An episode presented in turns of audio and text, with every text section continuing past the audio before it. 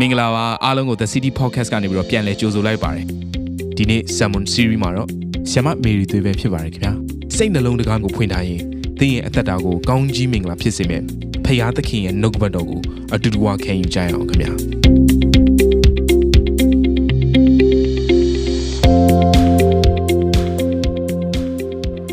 မိသားစုတွေအားလုံးမင်္ဂလာပါနေကောင်းကြရဲ့လား နေကောင်းတယ်ဆိုကျေးဇူးပြုပြီးတော့ comment မှာကျွန်မနေကောင်းပါတယ်ကျွန်တော်နေကောင်းပါတယ်ဆိုပြီးတော့ရေးပေးပါအောင်စားပြီးကြပြီလားအကယ်၍မစားသေးဘူးဆိုလဲနှုတ်ပတ်တော်အတွက်နှလုံးသားပြင်ဆင်ပြီးတော့ဝိညာဉ်အစာကိုအရင်စားရအောင်တော်တော်များများတော့စားပြီးမယ်လို့ယုံကြည်တယ်အားလုံးကိုအရန်တတိရတယ်ကျွန်မယုံကြည်တယ်အားလုံးကလည်းတတိယနေမယ်လို့ကျွန်တော်တို့ယုံပြေဝယုံကြည်ပါတယ်အားလုံးအတွက်အထူးတတိယဆွတ်တောင်းပေးနေပါတယ်ဆွတ်တောင်းခံချက်တွေရှိတယ်ဆိုရင်လည်းယေရှုပြုပြီးတော့အော် ကြော်မသွားပါနဲ့ comment မှာရေးပေးစေချင်တယ်အကယ်၍ရေးပေးဖို့ခက်တယ်ဆိုရင်လည်းတချို့သောအရာတွေပြောပြဖို့ခက်တယ်ဆိုရင်လည်း personally မှာပဲဖြစ်ဖြစ်အသင်းတော် page မှာပဲဖြစ်ဖြစ်ဆွတောင်းခံချက်တွေရေးပေးပါကျွန်တော်တို့တတိယဆွတောင်းပေးနေမှာဖြစ်ပါတယ်တယောက်နဲ့တယောက်ဝေးနေပေမဲ့လည်းနှလုံးသားချင်းတွေကချိတ်ဆက်နေတာဖြစ်တယ်အားလုံးအတွက်အထူးတတိယဆွတောင်းပေးနေပါတယ်ဒီနေ့နှုတ်ကွက်တော်ရဲ့ခေါင်းစဉ်ကလမ်းဤအဆုံးသည်ဘဝဤအစ လမ်းဤအဆုံးသည်လို့ပြောတဲ့အခါမှာတချို့သောသူတွေကလမ်းဆုံးတယ်ဆိုတာလူဘဝရဲ့တက်တန်းကုံဆုံးသွားတယ်လို့ထင်တတ်တယ်လူဘဝရဲ့တက်တန်းကုံဆုံးသွားတယ်ဆိုမှတော့ဘာမှမရှိတော့ဘူးလေဘာမှမကြံတော့ပြီးသွားပြီနောင်တမလုံးအတွက်ပဲသူဆက်သွားရတော့မှာဒါပေမဲ့နောင်တမလုံးအတွက်မဟုတ်ဖဲနဲ့ယခုလက်ရှိအသက်ရှင်နေလျက်နဲ့ဘဝဆုံးသွားသောသူတွေများစွာရှိတယ် အထူးသဖြင့်အသက်တော့ရှင်နေပါတယ်ဒါပေမဲ့အသက်ရှင်ရတာအတိတ်ပဲမဲ့နေသလိုခံစားနေရတဲ့သူတွေရှိတယ်အသက်တော့ရှင်ပါတယ်ဒါပေမဲ့အနာဂတ်ကိုဘလို့ဆက်လုပ်ရမလဲဆိုတာမသိတဲ့သူတွေများစွာရှိတယ်အသက်တော့ရှင်နေပါလေနဲ့သေနေတဲ့သူတယောက်လိုခံစားနေရတဲ့သူတွေများစွာရှိပါတယ်စိတ်တက်ကြပြီးတော့ဘာလို့လို့ဘာကြံရမှမသိဘဲနဲ့လက်လျှော့ခြင်းတဲ့အထိလက်လျှော့ခြင်းတဲ့အထိစိတ်ပြတ်နေတဲ့သူတွေလည်းရှိပါတယ် အကယ်၍ဒီလိုမျိုးသင်ဝိညာဉ်အသက်တာမှာပြင်းစွာသောတိုက်ခိုက်မှုတွေတစုံတစ်ခုခံရတယ်ဒို့ဒီမို့ဝိညာဉ်သက်တာကခန်းချောက်သလိုခံစားနေရတယ်ဆိုရင်ခဏနှုတ်ပွက်တော်ကသင်အတွက်ဖြစ်တယ်သင်အတွက်ဖြစ်ပါတယ်ကျွန်မဒီရက်ပိုင်းမှာသတင်းတစ်ခုမှတွေးလိုက်တဲ့အခါမှာရှမ်းပြည်နယ်တောင်ပိုင်းပင်လုံမြို့နယ်ကျေးရွာလေးတစ်ခုမှာဇနီးမောင်နှံနှစ်ယောက်ကတက်လက်ပိုင်းမှာပဲဘာလို့လဲဆိုတော့ဒီပွဲတစ်ခုမှာပြီးသွားတဲ့အခါမှာသူတို့က ဒီသားသမီး၄ယောက်ကိုရောင်ချတာကျွန်မအဲ့ဒါကိုမြင်တဲ့ကဟုတ်ဟုတ်ဟုတ်ရဲ့လားပြန်ကြည့်တော့လဲတတိယဟုတ်နေတာပဲကျွန်မအယံဝမ်းနေတယ်ကလေးငယ်လေး၄ယောက်စလုံးကိုဟင်းရွက်ကစုံရောင်းတာမဟုတ်ဘူးเนาะပစ္စည်းအရာဝတ္ထုရောင်းတာမဟုတ်ဘူးတက်ရှိကိုရောင်းချတာစာဝတ်နေရေးအရန်ခက်ခဲလို့ရောင်းချတာအကြီးဆုံးမှအလွန်ဆုံးရှိ9နှစ်ပဲရှိသေးတာကျွန်မကြည့်တာတောင်းဆုပ်ပလုံးဆုပ်တာပြည့်ရိုးထုံးစံရှိတယ်။ သားဆိုးသမီးဆိုတောင်မိဘတွေကပြည့်ရိုးထုံးစံမရှိပါဘူးဒါပေမဲ့ဒီလိုအခြေအနေကြုံရတာသူတို့ကြုံကျင်လို့မဟုတ်ဘူးသူတို့အရာခံစားရမှာနာကျင်ရမှာဝမ်းနည်းရမှာကိုယ်အသွေးသားတွေကပေါက်ဖွာလာတဲ့သားသမီးဘလောက်တောင်သူတို့ယူကြုံမရဖြစ်မလဲကြွားရတာကိုတွေ့တဲ့အခါမှာကိုရောနေကျွန်တော်တို့တိုင်းနိုင်ငံကိုကိုရောသနာပါကျွန်တော်တို့တိုင်းနိုင်ငံမှာဒီလိုကြုံထွေးနေရပါတယ်ဖယားသခင်ပြည့်၍မထားပါနဲ့ ကျွန်တော်တို့အိမ်မှာဒါတချို့ကနေနေမယ်စားနေမယ်တောက်နေမယ်လှုပ်ရှားရှိတာလုပ်နေပြီမဲ့ဖြစ်ပျက်နေတဲ့အရာတွေအားလုံးကဝိညာဉ်တတ္တမှာကျမတို့ကိုစကားပြောနေသလို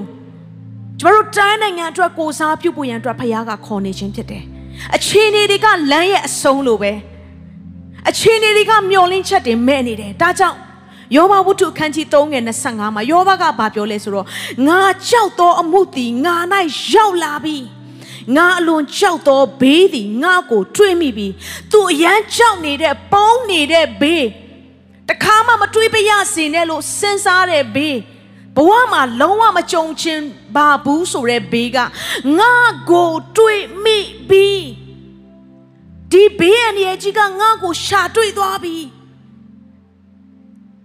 ဒီနေ့ကျမတို့ဘဝအတ္တတာမှာသင်လုံးဝမတွေးကြုံချင်တဲ့ဘေး သင်ကိုရှာတွေ့နေလား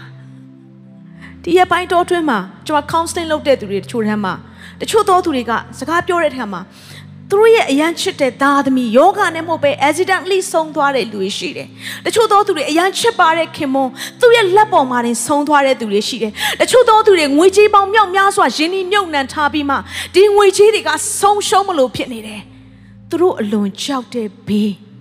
သင်အလွန်ကြောက်တဲ့ဘေးကျမတို့အလွန်ကြောက်တဲ့ဘေးကတွေ့ပြီးဆိုရင်ဘလို့လန်းစာတွေရှာမလဲ။ကျမတရက်ဆွတောင်းနေတဲ့အခါမှာဖခင်ကကျမကိုအခုကာလနဲ့ပတ်သက်ပြီးတော့ဖော်ပြတဲ့အရာလေးရှိအဲ့ဒါကလုကာ20နှစ်31ကနေပြီးတော့32အထိဖြစ်တယ်ရှိမုံရှိမုံဂျုံဆန်ကိုစကားနဲ့ခါချတဲ့ကဲ့သို့စာရန်တီတင်တို့ကိုချရမိကြောင်းအခွင့်တောင်းသည်ဖြစ်၍ဒီအချိန်ကာလက ဂျုံဆန်ကိုစကားနဲ့ခါတယ်လို့ပဲယုံကြည်သူတယောက်ချင်းစီတိုင်းရဲ့အသက်တာယုံကြည်ခြင်းတွေကိုဖယားခင်ပေါ်မှာဘလောက်ခိုင်ခတ်မှုရှိလဲဖယားပေါ်မှာဘလောက်မျောလင့်ခြင်းရှိလဲဖယားပေါ်မှာနောက်ပြန်မလဲကြည့်ပဲနဲ့အရှိကိုဘသူတွေကဆက်သွားနေမလဲဆိုတော့ဂျုံဆန်ကိုစကားနဲ့ခါသလိုပဲမာနကကျမတို့ကိုယုံကြည်ခြင်းမှာလဲပြိုဖို့အတွက်ခါနေတယ်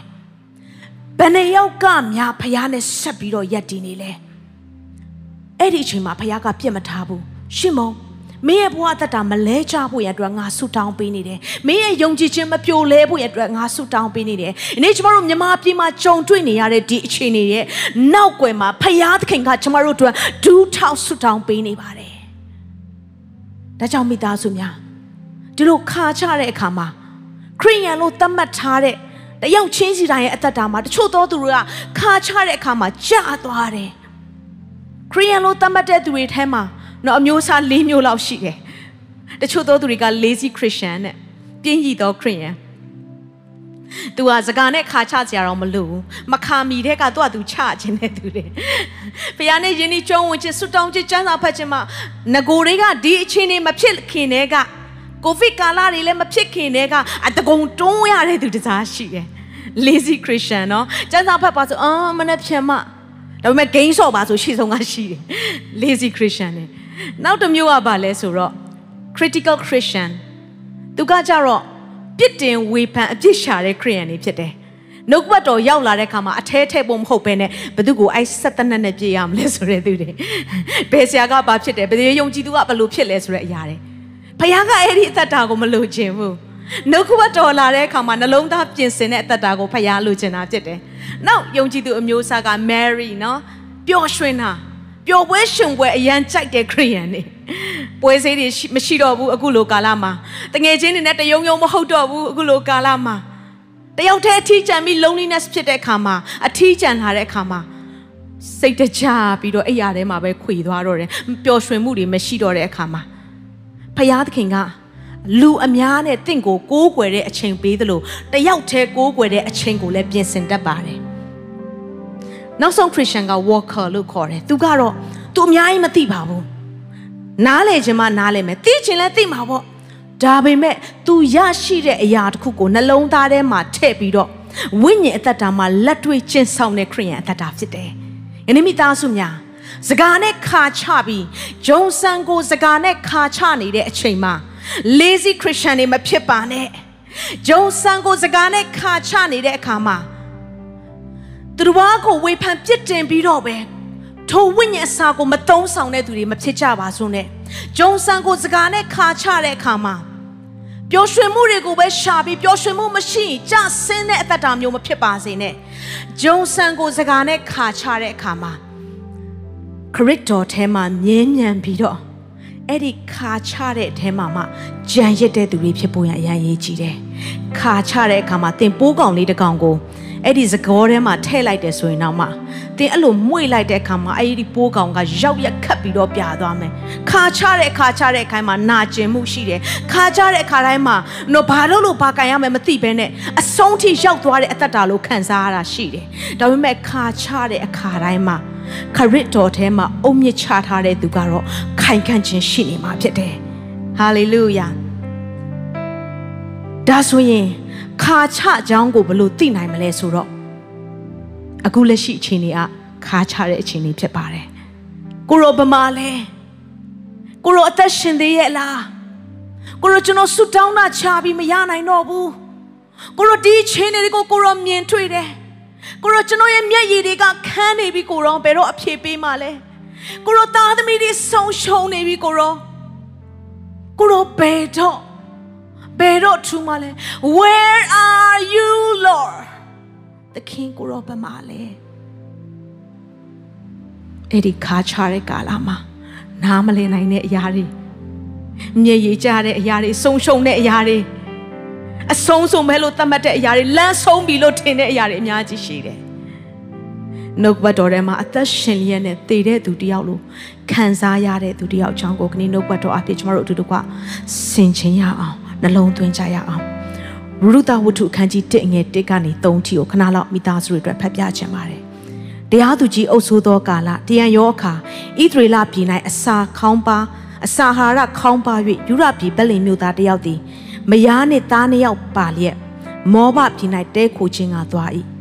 ထိုသူ၏အမိကအေလိမလက်မယားအမိကနောမိသားနှစ်ယောက်အမိကမဟာလုံနှင့်ခိလျန်ဒီသူတို့သည်ယူရပြည်ဗက်လင်မြို့အေဖရက်အယက်သားဖြစ်လျက်မောဘပြည်သို့သွား၍နေကြ၏အဲ့ဒီအချိန်ရဲ့ background ကိုကြည့်တဲ့အခါမှာဣသရေလတိုင်းပြည်မှာရှင်ဘရင်အုပ်ဆိုးတဲ့ကာလမဟုတ်ပါဘူးရှင်ဘရင်မရှိပါဘူးအဲ့ဒီကာလမှာ ဘသူတွေကအုပ်ဆိုးပြီးတော့တိုင်းနိုင်ငံတစ်ခုလုံးကိုလမ်းညွှန်ကြလဲဆိုတော့တရားသူကြီးတွေကဥဆောင်ပြီးတော့လမ်းပြပေးတာဖြစ်တယ်တရားသူကြီးတွေအုပ်ဆိုးတဲ့ကာလလည်းဖြစ်တယ်အဲ့ဒီကာလမှာဣသရေလတိုင်းနိုင်ငံတစ်ခုလုံးကအစာငတ်မွခြင်းခေါင်းပါတဲ့ဘေးကိုကြုံရတယ်အဲ့ဒီတနိုင်ငံလုံးရဲ့ခေါင်းပါတဲ့ဘေးကိုကြုံရတဲ့အထဲမှာဘယ်သူကလဲပါလဲဆိုတော့အေလိမလက်တို့မိသားစုလည်းပါတယ်သူရဲ့ဇနီးတွေကနောမိ သူတို့မှာသားနှစ်ယောက်ရှိတယ်မဟာလုံနဲ့ခိလျံသူတို့ကဗမာနေလဲဆိုတော့ဘက်လင်မှာနေတယ်ဘက်လင်ဆိုတဲ့အရာကသူ့ရဲ့အတိတ်ပဲက house of bread မုံနဲ့ပြည့်သောအိမ်တော်ဒါဆိုရင် house of bread မုံနဲ့ပြည့်သောအိမ်တော်လို့ပြောပြီးတော့မုံနဲ့ပြည့်တဲ့အိမ်တော်မှာနေပြီးတော့ငတ်မွချင်းခေါင်းပါမှုတွေကြုံရတယ် မုံနဲ့ပြည့်တဲ့အိမ်တော်လို့ဖျားသတ်မှတ်ပြီးတော့ဘာကြောင့်တနိုင်ငံလုံးအတိုင်းအတာအနေနဲ့ဒုက္ခဘေးကိုကြုံရတာလဲဒါဆိုရင်ကျမတို့ဘဝအသက်တာမှာလည်းတစ်ခါတည်းကြာရင်ဖျားသခင်ကိုရောကအသက်ရှင်တဲ့ဖျားဖြစ်တယ်ဆိုကိုရောကချမ်းသာစေတဲ့အရှင်ဆိုအနာရောဂါတွေငြိမ်းစေတဲ့အရှင်ဆိုကိုရောကပြစ်မထားဘူးမခံနိုင်တဲ့စုံစမ်းခြင်းကိုမပေးဘူးလို့ပြောရဲဆို ဘာကြောင့်ကျွန်တော်မခံနိုင်တဲ့အရာကိုကြုံတွေ့နေရတာလဲအခုလဲနောမီမုံနေပြည့်တဲ့အိမ်တော်မှာနေရပြီးတော့အစာခေါင်းပါမှုပြဿနာကိုကြုံရတယ်ဖခင်ရဲ့လက်တော်တစ်ခုမှမတွေ့တော့ဘူးအဲ့ဒီလိုလက်တော်မတွေ့တဲ့အခါမှာသူနှလုံးသားတွေပူပန်လာတယ်ကျမတို့လိုပဲဖခင်လက်တော်မတွေ့တဲ့အခါမှာစိတ်လှုပ်ရှားလာတယ်ဘလို့ဆက်လို့ရမလဲမသိဘူးဖြစ်လာတယ် ကျွန်တော်မမိပါသေးတယ်ငယ်စဉ်အချိန်မှာကျွန်တော်တို့မိသားစုတွေအရန်ခဲရင်တဲ့အခါမှာအမေကသားသမီး၄ယောက်ရှိတဲ့အခါမှာအမှုတော်ဆောင်မိဘနှစ်ပါးစလုံးကနေပေါက်ဖွာလာတာဖြစ်တဲ့အတွက်ကြောင့်မလို့ no guarantee အာမခံချက်မရှိတဲ့အသက်တာနေ့စဉ်ဖြတ်ကျော်ရပါတယ်ဆန်အိုးထဲမှာကြည့်တဲ့အခါမှာဆန်မရှိဘူးစားစရာမရှိတဲ့အခါမှာအမေကလှုပ်တယ်တားရီသမီးတွေလာအောင်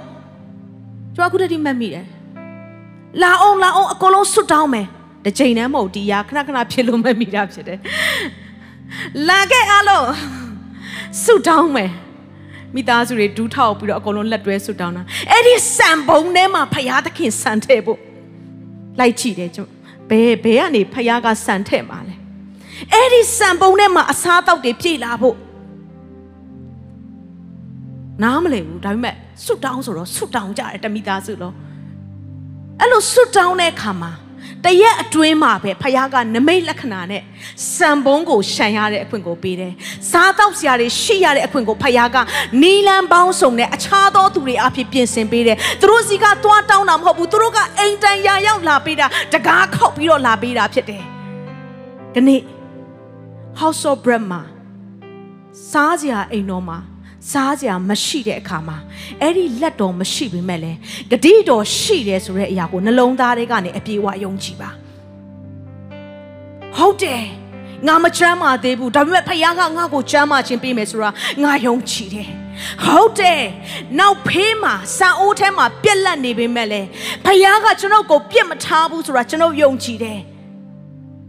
အဲ့ဒီဂတိတော်ကိုပဲမြင်ပြီးတော့ဆွဲကင်ရမယ့်အစားနောမီက ဂတိတော်ကိုမမြင်တော့ဘူး household bread မှာပြက်လက်နေတဲ့အရာကို तू တွေ့သွားတဲ့အခါမှာ तू မနေနိုင်တော့ဘူး तू ဘာလုပ်လဲသူ့ရဲ့ခင်မွန်းတယ်နဲ့ तू တိုင်ပင်တယ်ခင်မွန်းတယ်နဲ့ तू တိုင်ပင်တယ် तू ဘာလုပ်လဲခင်မွန်းတယ်နဲ့တိုင်ပြီးတော့မောဘကိုရွှေ့ဖို့ပြင်ဆင်တယ်ဒီအကြံစီကသူ့ရဲ့အကြံစီလည်းဖြစ်ကောင်းဖြစ်မယ်ခင်မွန်းတယ်ရဲ့အကြံစီလည်းဖြစ်ကောင်းဖြစ်လိမ့်မယ်ဒါပေမဲ့ဂျိန်းတီတာကတော့ဇနီးမောင်နဲ့နှစ်ယောက်စလုံးသဘောတူညီပြီးတော့ဆုံးဖြတ်ခဲ့တဲ့အကြံစီဖြစ်တယ်မောဘကိုရွှေ့ရအောင် တယောက်တည်းရွှေ့တာမဟုတ်ဘူးနော်တမိသားစုလုံးကိုပြောင်းရွှေ့ဖို့အတွက်ဆုံးဖြတ်ချက်ကိုချတယ်ဒါကမှန်ကန်တဲ့ဆုံးဖြတ်ချက်လားဆိုတော့မဟုတ်ပါဘူးမာရွေနဲ့ဆုံးဖြတ်ချက်ဖြစ်တယ်အဲ့ဒီဆုံးဖြတ်ချက်လေးတစ်ခုကသူ့ရဲ့ဘဝအသက်တာကိုတစ်ချိန်မှာဆုံးရှုံးလာမယ်ဆိုတဲ့အရာကိုသူလုံးဝမသိဘူးကျွန်တော်တို့ဘဝအသက်တာမှာလဲဖခင်ရဲ့လက်တော်ကိုမမြင်တဲ့အခါမှာဖခင်ကိုမဆောင်နိုင်တော့ဘူးကိုနီးကိုဟာနဲ့ဖြည့်ရှင်းဖို့ဆုံးဖြတ်ခြင်းနဲ့ကိုကိုရိုင်းဆုံးဖြတ်ပြီးတော့ကိုကိုရိုင်းလှုပ်လိုက်ခြင်းနဲ့ ဒါလေးကတော့ပိုကောင်းမှာပဲဆိုပြီးလှုပ်ချင်တယ်ဒါပေမဲ့ဖခင်ရဲ့အကြံစီရည်ရွယ်ချက်ဖခင်လှုပ်စေခြင်းတဲ့အရာကိုမသိဘဲနဲ့ဖခင်ကိုမဆောင်နိုင်တဲ့အခါမှာကိုကိုယ်တိုင်ဖခင်ရဲ့အရှိကနေလှုပ်ဆောင်တဲ့အခါမှာတချို့သောအမှုကိစ္စတွေမှာကိုမာရွေးပြီးဆုံးရှုံးသွားတဲ့အရာတွေများစွာကြုံတွေ့ဖူးမှာပါကျမဘဝအသက်တာမှာလည်းကြုံတွေ့ဖူးတယ်အခုနော်မီဖခင်ကိုမဆောင်နိုင်တော့ဘူးသူကိုယ်တိုင်ဆုံးဖြတ်ဖို့ဂတိတော်ကိုမဆောင်နိုင်တော့ဘူးသူကိုယ်တိုင်အရှိအရှိမဆုံးဖြတ်ဖို့သူလှုပ်လိုက်ပြီ ဘာလို့လဲဆိုတော့လူအနေနဲ့ဆုံးဖြတ်ချက်ဆုံးဖြတ်ချက်တိုင်းဒီဖယားသခင်မပါဘူးဆိုရင်အဲ့ဒီဆုံးဖြတ်ချက်တွေကအသေးပဲဖြစ်တယ်။ဒါကြောင့်လူထင်တဲ့အတိုင်းမှာမှန်သောလက္ခဏာရှိပေမဲ့အဆုံးမှာသေခြင်းကိုပို့တဲ့လမ်းတစ်မျိုးရှိတယ်။လူရဲ့အထင်နဲ့သွားမယ်ဆိုရင်အဆုံးသက်ကသေခြင်းပဲ။လူရဲ့အထင်နဲ့သွားမယ်ဆိုရင်အဆုံးသက်ကဆုံးရှုံးခြင်းပဲ။ဖယားနဲ့အတူဖတ်တွေ့ပြီးသွားခြင်းကကောင်းစားခြင်းကိုဖြစ်စေတယ်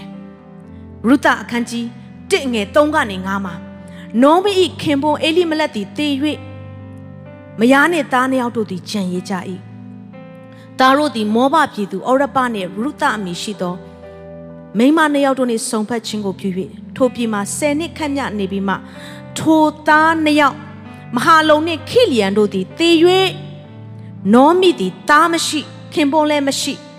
ကြံရစ်လေ၏ ခဏလောက်မောဘမှာသွားတဲခိုလိုက်မယ်ဆိုတဲ့အကြံစီကဘလောက်တောင်ကြာသွားလဲဆိုတော့10နှစ်တောင်ကြာသွားတယ်။နိုမီတတိရတဲ့အချိန်မှာ10နှစ်ကြာသွားပြီ။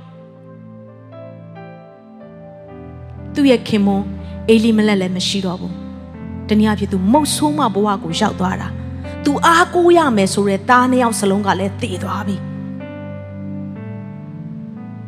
ကောင်းပါမယ်လို့မျှော်လင့်ပြီးတော့ပြောင်းလာကမှဘဝတွေတည်သွားတဲ့အခြေအနေရောက်လာတယ်။သူမုတ်ဆိုးမအခြေအနေဖြစ်သွားပြီ။ဣသရေလလူတွေရဲ့တမိုင်းမှာဘာရှိလဲဆိုတော့တားကြီးကတည်သွားရင်တားကြီးရဲ့မိမကိုတားလက်ကဆက်ယူရတယ်။ဆက်ယူပြီးတော့တားကြီးရဲ့ generation ကိုဆက်ပြီးထိမ့်သိမ်းခိုင်းတာ။အဲ့ဒီတားလက်ကတည်သွားရင်တားငယ်ကအဲ့ဒီတားကြီးရဲ့မိမကိုဆက်ယူရတယ်။ သူ့ရဲ့ generation ဆက်ထိန်ဖို့ဒါပေမဲ့အခုနောမီမှာတားနှစ်ယောက်စလုံးသေသွားတော့ဒီချွေးမအော်ရဖာနဲ့ရူတာကိုပေးစရာသားမရှိတော့ဘူးဟေးငါမှလည်းသားမရှိတော့ဘူးငါကမုတ်ဆိုးမှဖြစ်နေပြီငါမှလည်းဆင်းရဲဆုပ်ပြတ်နေပြီကုန်းကောက်စရာမရှိတဲ့အခြေအနေဖြစ်နေပြီနောမီဘာလုပ်မလဲသူလှုပ်လို့ရတဲ့ຢာ၃ခုတော့ရှိတယ်ပထမတစ်ခုကအဲ့ဒီမောဘတိုင်းပြည်မှာရန်သူနယ်မြေမှာ तू ဂျုံလုံးရင်လုံးမလုံးရင် မုတ်ဆိုးမှဖြစ်တယ်လေပြေးတစားလုံးပြေတစားမလုပ်ဘူးလားတောင်းစားတဲ့ဘဝကိုသူနေဒီသုံးခုကလွယ်ပြီးသူ့မှာရွေးချယ်စရာမရှိဘူးစီးစိမ်တွေလည်းအကုန်ကုန်တယ်အကုန်လုံးခက်သိမ်းဘာမှမရှိတော့တဲ့အခြေအနေမှာသူကြံရစ်တယ်ဒါနဲ့သူနော်သူ့ရဲ့ချွေးမနှစ်ယောက်ကိုသူပြောတဲ့အခါမှာနောက်ဆုံးမှာပြန်သွားဖို့ပြောတဲ့အခါမှာအော်ရဘကပြန်သွားတယ်ကျွန်တော်တို့သိတဲ့အတိုင်းပဲဒီရူတာကတော့နော်မိနဲ့အတူရှိခဲ့တယ် ကိုရောကိုးကွယ်တဲ့ဖခင်ကိုကိုးကွယ်ပါမယ်ကိုရောအိတ်တဲ့နေရာမှာအိတ်ပါမယ်ကိုရောရှိတဲ့အရာမှာရှိပါမယ်ဆိုပြီးနော်မိနဲ့အတူလိုက်လာတယ်ဘာမှမျောလင်းချက်မရှိတဲ့အခြေအနေကနေသူလိုက်လာတာဖြစ်တယ် ဒါဆိုကျွန်တော်တို့အဲ့ဒီကနေဆက်ပြီးတော့ကြည့်တဲ့အခါနောမီရဲ့အသက်တာကိုဆက်ပြီးတဲ့ကြည့်တယ်ကြည့်တဲ့အခါမှာအငယ်16မှာ10နှစ်လောက်ဆွန့်ခွာပြီးတဲ့နေရာကိုမောဘမှာဘာမှမရှိတော့တဲ့အခါမှာဆုံးရှုံးမှုတွေအကုန်ရှိလာတဲ့အခါမှာသူပြန်တတိရတယ်ငါအရင်ကျင်လည်ခဲ့တဲ့ငါနေခဲ့တဲ့နေရင်အရက်ကိုပြန်သွားအောင်မယ်ဆိုတဲ့အသည့်သူ့မှာရှိတယ်ဒါနဲ့သူပြန်လာခဲ့တယ်အငယ်16မှာထိုသူနှစ်ယောက်တို့သည်ခရီးသွား၍ဗက်လင်မျိုးတို့ရောက်သောအခါတမျိုးလုံးအုပ်အုပ်ကြက်ကြက်ဖြစ်၍ဤသူကနောမိဟုတ်တယ်လို့ဟုမေးချ၏တမျိုးလုံးကအုပ်အုပ်ကြက်ကြက်ဖြစ်တယ်တဲ့ဆိုလိုရင်းကတမျိုးလုံးကတိုးဝှေ့ပြီးတော့လာကြည့်တာမင်းသားမင်းသမီးကိုနော်လာကြည့်တာမဟုတ်ဘူးနော်ဒီဥစ္စာအိုးကြက်ကြက်ဖြစ်တယ်ဆိုပြီးငြိမ်ကောင်းတယ်လို့မထင်နဲ့မင်းသားမင်းသမီးချောလာလာလာဆိုပြီးလာကြည့်တဲ့ကြည့်ခြင်းမျိုးမဟုတ်ဘူးတမျိုးလုံးကလာကြည့်တဲ့အရာကနောမိပြန်လာပြီလားဆိုတဲ့အကြည့်တွေနဲ့လာကြည့်တာဖြစ်တယ် ဒါကနောမီမဟုတ်လားတွေ့တာနဲ့ဒါကနောမီမဟုတ်လားဒီအချင်းချင်းပြောကြပြီဒါကနောမီမဟုတ်လားမတ်တောင်မမတ်မိလောက်တဲ့အထိနောမီဘလောက်တောင်အိုစာသွားလဲနောမီကြည့်လိုက်တဲ့အခါမှာသူ့အထဲမှာတကယ်တမ်းသူလာတာကလေကျမလာပါပြီနော်ဆိုပြီးတော့လေသူကဂုံယူဝင့်ချွားဖို့သူလာတာမဟုတ်ဘူးသူလာတာကသူ့ရဲ့အခြေအနေအားလုံးကစုပ်ပြတ်သက်သွားလို့တိတ်တဆိတ်သူလာတာဖြစ်တယ်ဘယ်သူမှငါ့ကိုမတွေ့ပါစေနဲ့ငါရဲ့အခြေအနေကိုဘယ်သူမှမမြင်ပါစေနဲ့ ဘသူရဲ့သတင်းစကားကိုမှလည်း तू မကြားခြင်းဘူး तू ဘဝကြီးလမ်းဆုံးနေတဲ့အရာကိုတိတ်တဆိတ်ဖြတ်ကျော်ခြင်းလို့ तू လာခဲ့တာဒါပေမဲ့အခုတမျိုးလုံးကအုပ်အုပ်ချက်ချက်သူ့စီမှာဝိုင်းလာပြီအဲ့ဒီအထဲမှာတစ်ချိန်ကဆင်းရဲသားမို့လို့ तू ကူညီခဲ့တဲ့သူတွေရှိကောင်းရှိလိမ့်မယ်အဲ့ဒီ तू ကူညီခဲ့ဘူးတဲ့သူတွေကအောင်မြင်တိုးတက်နေပြီးတော့အခုနောမိဘဝမှာအောင်မြင်အောင်တို့ထွက်သွားကမှပြန်လာတဲ့အခါမှာဘာမှမရှိပဲ तू ပြန်လာရတယ်။တုံညအခြေအနေကို तू ပြန်လာလိုက်။ လာရတယ်တွေ့တာနဲ့နောမီမင်းဝလာတယ်နော်တွေ့တာနဲ့ဟာနောမီမင်းရဲ့သားအချင်းတွေကတစုံတယောက်ကမေးခဲ့မယ်ဆိုရင်နောမီမင်းခင်မွန်းတယ်အဲ့လိမလက်ကြီးကိုအခုဘာလုပ်နေလဲသူ့မှာမေးခွန်းမရှိဘူးခင်းလျံကဘာလုပ်နေလဲကျမမှာမေးခွန်းမရှိဘူးအဖြေပြေးစရာဘာမှမရှိတော့ဘူးမဟာလုံကဘာလုပ်နေလဲအဲ့ဒီအထွတ်လည်းအဖြေပြေးစရာမရှိဘူး အဲ့ဒီမိကုံးတစ်ခုချင်းစီတိုင်းကနောမီရဲ့နှလုံးသားကိုထိုးနှက်တယ်သူ့ရဲ့အဆိုင်ကိုထိုးနှက်လိုက်တယ်လို့ပဲသူအရန်နာချင်းခံစားရတယ်အဲ့ဒါကဘာနဲ့တူလဲဆိုတော့ဆယ်တန်းဆောင်ပွဲမှာရဇက်ကိုသွားချိပြီးတော့ဆယ်တန်းကြလာတဲ့သူတယောက်ကသူပြန်လာတဲ့လမ်းမှာသွားတော့တော့မျောလင်းချက်နဲ့သွားတာပေါ့ဒါပေမဲ့ तू ကြရှုံးနေဆိုရင် तू ပြန်လာတဲ့လမ်းမှာတစုံတစ်ယောက်ကမင်းဆယ်တန်းဆောင်ပွဲအောင်လားလို့မေးမဲ့မေးကုန် तू အကြောက်ဆုံးဖြစ်နေမယ်လူတွေနဲ့ကင်းကွာအောင် तू ရှောင်ပြီးတော့ तू ပြန်လာမှာ ပဲသူအကြောက်ဆုံးမေးခွန်းကို तू မချားချင်ဆုံးပဲလေအခုနော်မိမင်းရဲ့မိသားစုအချင်းတွေပြမင်းမမြင်ရလာပြီလားမင်းရဲ့သားသမီးတွေကမင်းရဲ့စီးပွားရေးတွေကမင်းဟိုမှာအောင်မြင်လားတင်ရန်ရင်းနှီးတဲ့သူတယောက်နဲ့တွေ့ရင်တော့မှအဲ့လူနဲ့စကားပြောတဲ့အခါစကားအဲ့လူကအာဝဇန်ရှင်ရှင်တင့်ကိုမေးခွန်းနေမင်းမှာပဲမတွေ့တာကြရင်အခုဟာကအုပ်အုပ်ချက်ချက်တစ်မျိုးလုံးကလာပြီးတော့မေးမဲ့မေးခွန်းနော်မိဘလို့ဖြေရမလဲမသိဘူးသူ့မှာလုံးဝအဖြေမရှိဘူး အနေကျမတို့ဘဝမှာအခြားသောသူတွေကတက်သေးခံချက်တွေကျမဖယားကောင်းမြတ်လိုက်တာတက်သေးခံတဲ့အရာတွေကိုပြောပေမဲ့တင်းမှာတက်သေးခံချက်တွေမရှိဘဲနဲ့တင်းကိုတင်းပြန်ကြည့်တဲ့အခါမှာတိမ်ငယ်မှုတွေခံစားနေရလား Father's Day ရောက်တဲ့အခါမှာအဖေကျေးဇူးတင်ပါတယ်လို့တချို့သောသူတွေကပြောနေပေမဲ့အဲ့ဒီ Father's Day မှာတင်းမျက်ရည်ကျနေရလား Mother's Day ရောက်လာတဲ့အခါမှာမိခင်ကိုကျေးဇူးတင်ပါတယ်လို့တခြားသောသူတွေကပြောနေပေမဲ့ သင်ကမိခင်ရဲ့မိခင်နို့ရီကိုတော့မှကောင်းမှုစွာမဆုတ်ခဲ့ရပဲကြီးပြင်းနေတဲ့သူဖြစ်နေလားမိဘမေတ္တာဆိုတာဘာမှမသိပဲနဲ့ကြီးပြင်းလာတဲ့မိဘမဲ့တယောက်လိုနှလုံးသားတွေခံစားနေရလားအိမ်တော်ကြီးတွေကြည်ပြန်တော့တခြားသောသူတွေရဲ့အိမ်တော်ကြီးကတာယာနေတဲ့အချိန်မှာသင်ရဲ့အိမ်တော်ကြီးကိုပြန်ကြည့်တဲ့အခါတိုင်းမှာသင်မျက်ရည်ကျနေရလားသူများတွေမှာတော့တသက်ခံစရာများစွာရှိနေပေမဲ့နောမိမှာဘာသက်သေမှသူ့မှာမရှိဘူး သူများတွေမှာဝမ်းသာစရာတွေအများကြီးတွေ့တဲ့အခါတငယ်ချင်းတွေနဲ့မိသားစုတွေနဲ့ဆွေမျိုးတွေနဲ့ပြန်တွေ့တဲ့အခါမှာပြောပြနိုင်ပေမဲ့နောမိမှာဘာမှပြောစရာမရှိဘူးနောမိအဲ့ဒီဆုံးရှုံးမှုတွေထဲကနေလူတွေရဲ့အချီတွေထဲကနေလူတွေရဲ့အပြောတွေထဲကနေဟေးဒါနောမိလားဆိုတဲ့စကားထင်ငေါ်မှုတွေကြားတဲ့ကနေ နော်မီနှလုံးသားထဲမှာ तू ပေါက်ကွဲလာတယ် तू မခံစားနိုင်တော့ဘူး तू ထဲမှာချုပ်တီးလို့မရတော့ဘူး तू ပေါက်ခွဲလာတယ်နော်မီဘာပြောလဲဆိုတော့အငယ်20ကနေ21မှာ तू ကလည်းနော်မီဟူ၍မခေါ်ပါနဲ့မာရဟူ၍ခေါ်ပါအနန္တတကိုးရှင်သည်ငါအားအလွန်ခါသောအရာကို ပေးတော်မူပြီးငါသည်ကြွယ်ဝပြည့်စုံလျက်ထွက်သွား၏ယခုမူကားစင်းရဲလျက်တကိုယ်တည်းရှိမှထာဝရဘုရားသည်ငါကိုပို့ပြန်တော်မူပြီး ထာဝရဘုရားသည်ငါ့ကိုနှိတ်ချ၍အနန္တတကိုးရှင်သည်ငါ့ကိုဆင်းရဲစေတော်မူသည်ဖြစ်၍နောမိအမိဖြင့်အဘဲကြောင့်ငါ့ကိုခေါ်ကြသည်ဟုပြန်ပြော၏နောမိကငါ့ကိုနောမိလို့မခေါ်ပါနဲ့တော့ငါ့ကိုဒီနေ့စပြီးဘယ်သူမှနောမိလို့မခေါ်နဲ့ငါ့ကိုမာရလို့ခေါ်နောမိရဲ့အတိတ်ပဲကလေတကယ်တကယ်သူ့နာမည်ကအရန်လာတဲ့နာမည်ဖြစ်တယ် သူ့ရဲ့နာမည်ရဲ့ Nomi ဆိုတဲ့နာမည်ရဲ့အတိတ်ပဲလေးက pleasant နဲ့စိတ်ချနက်စီတယ်တာယာပျော်ရွှင်စီတယ်ပြီးတော့ sweet တဲ့ချိုမြတယ်တဲ့နာမည်လေးကဘလောက်တောင်ချစ်ဖို့ကောင်းပြီးတော့ကြားလိုက်တာနဲ့တောင်နှဝင်ချိုတယ်နော်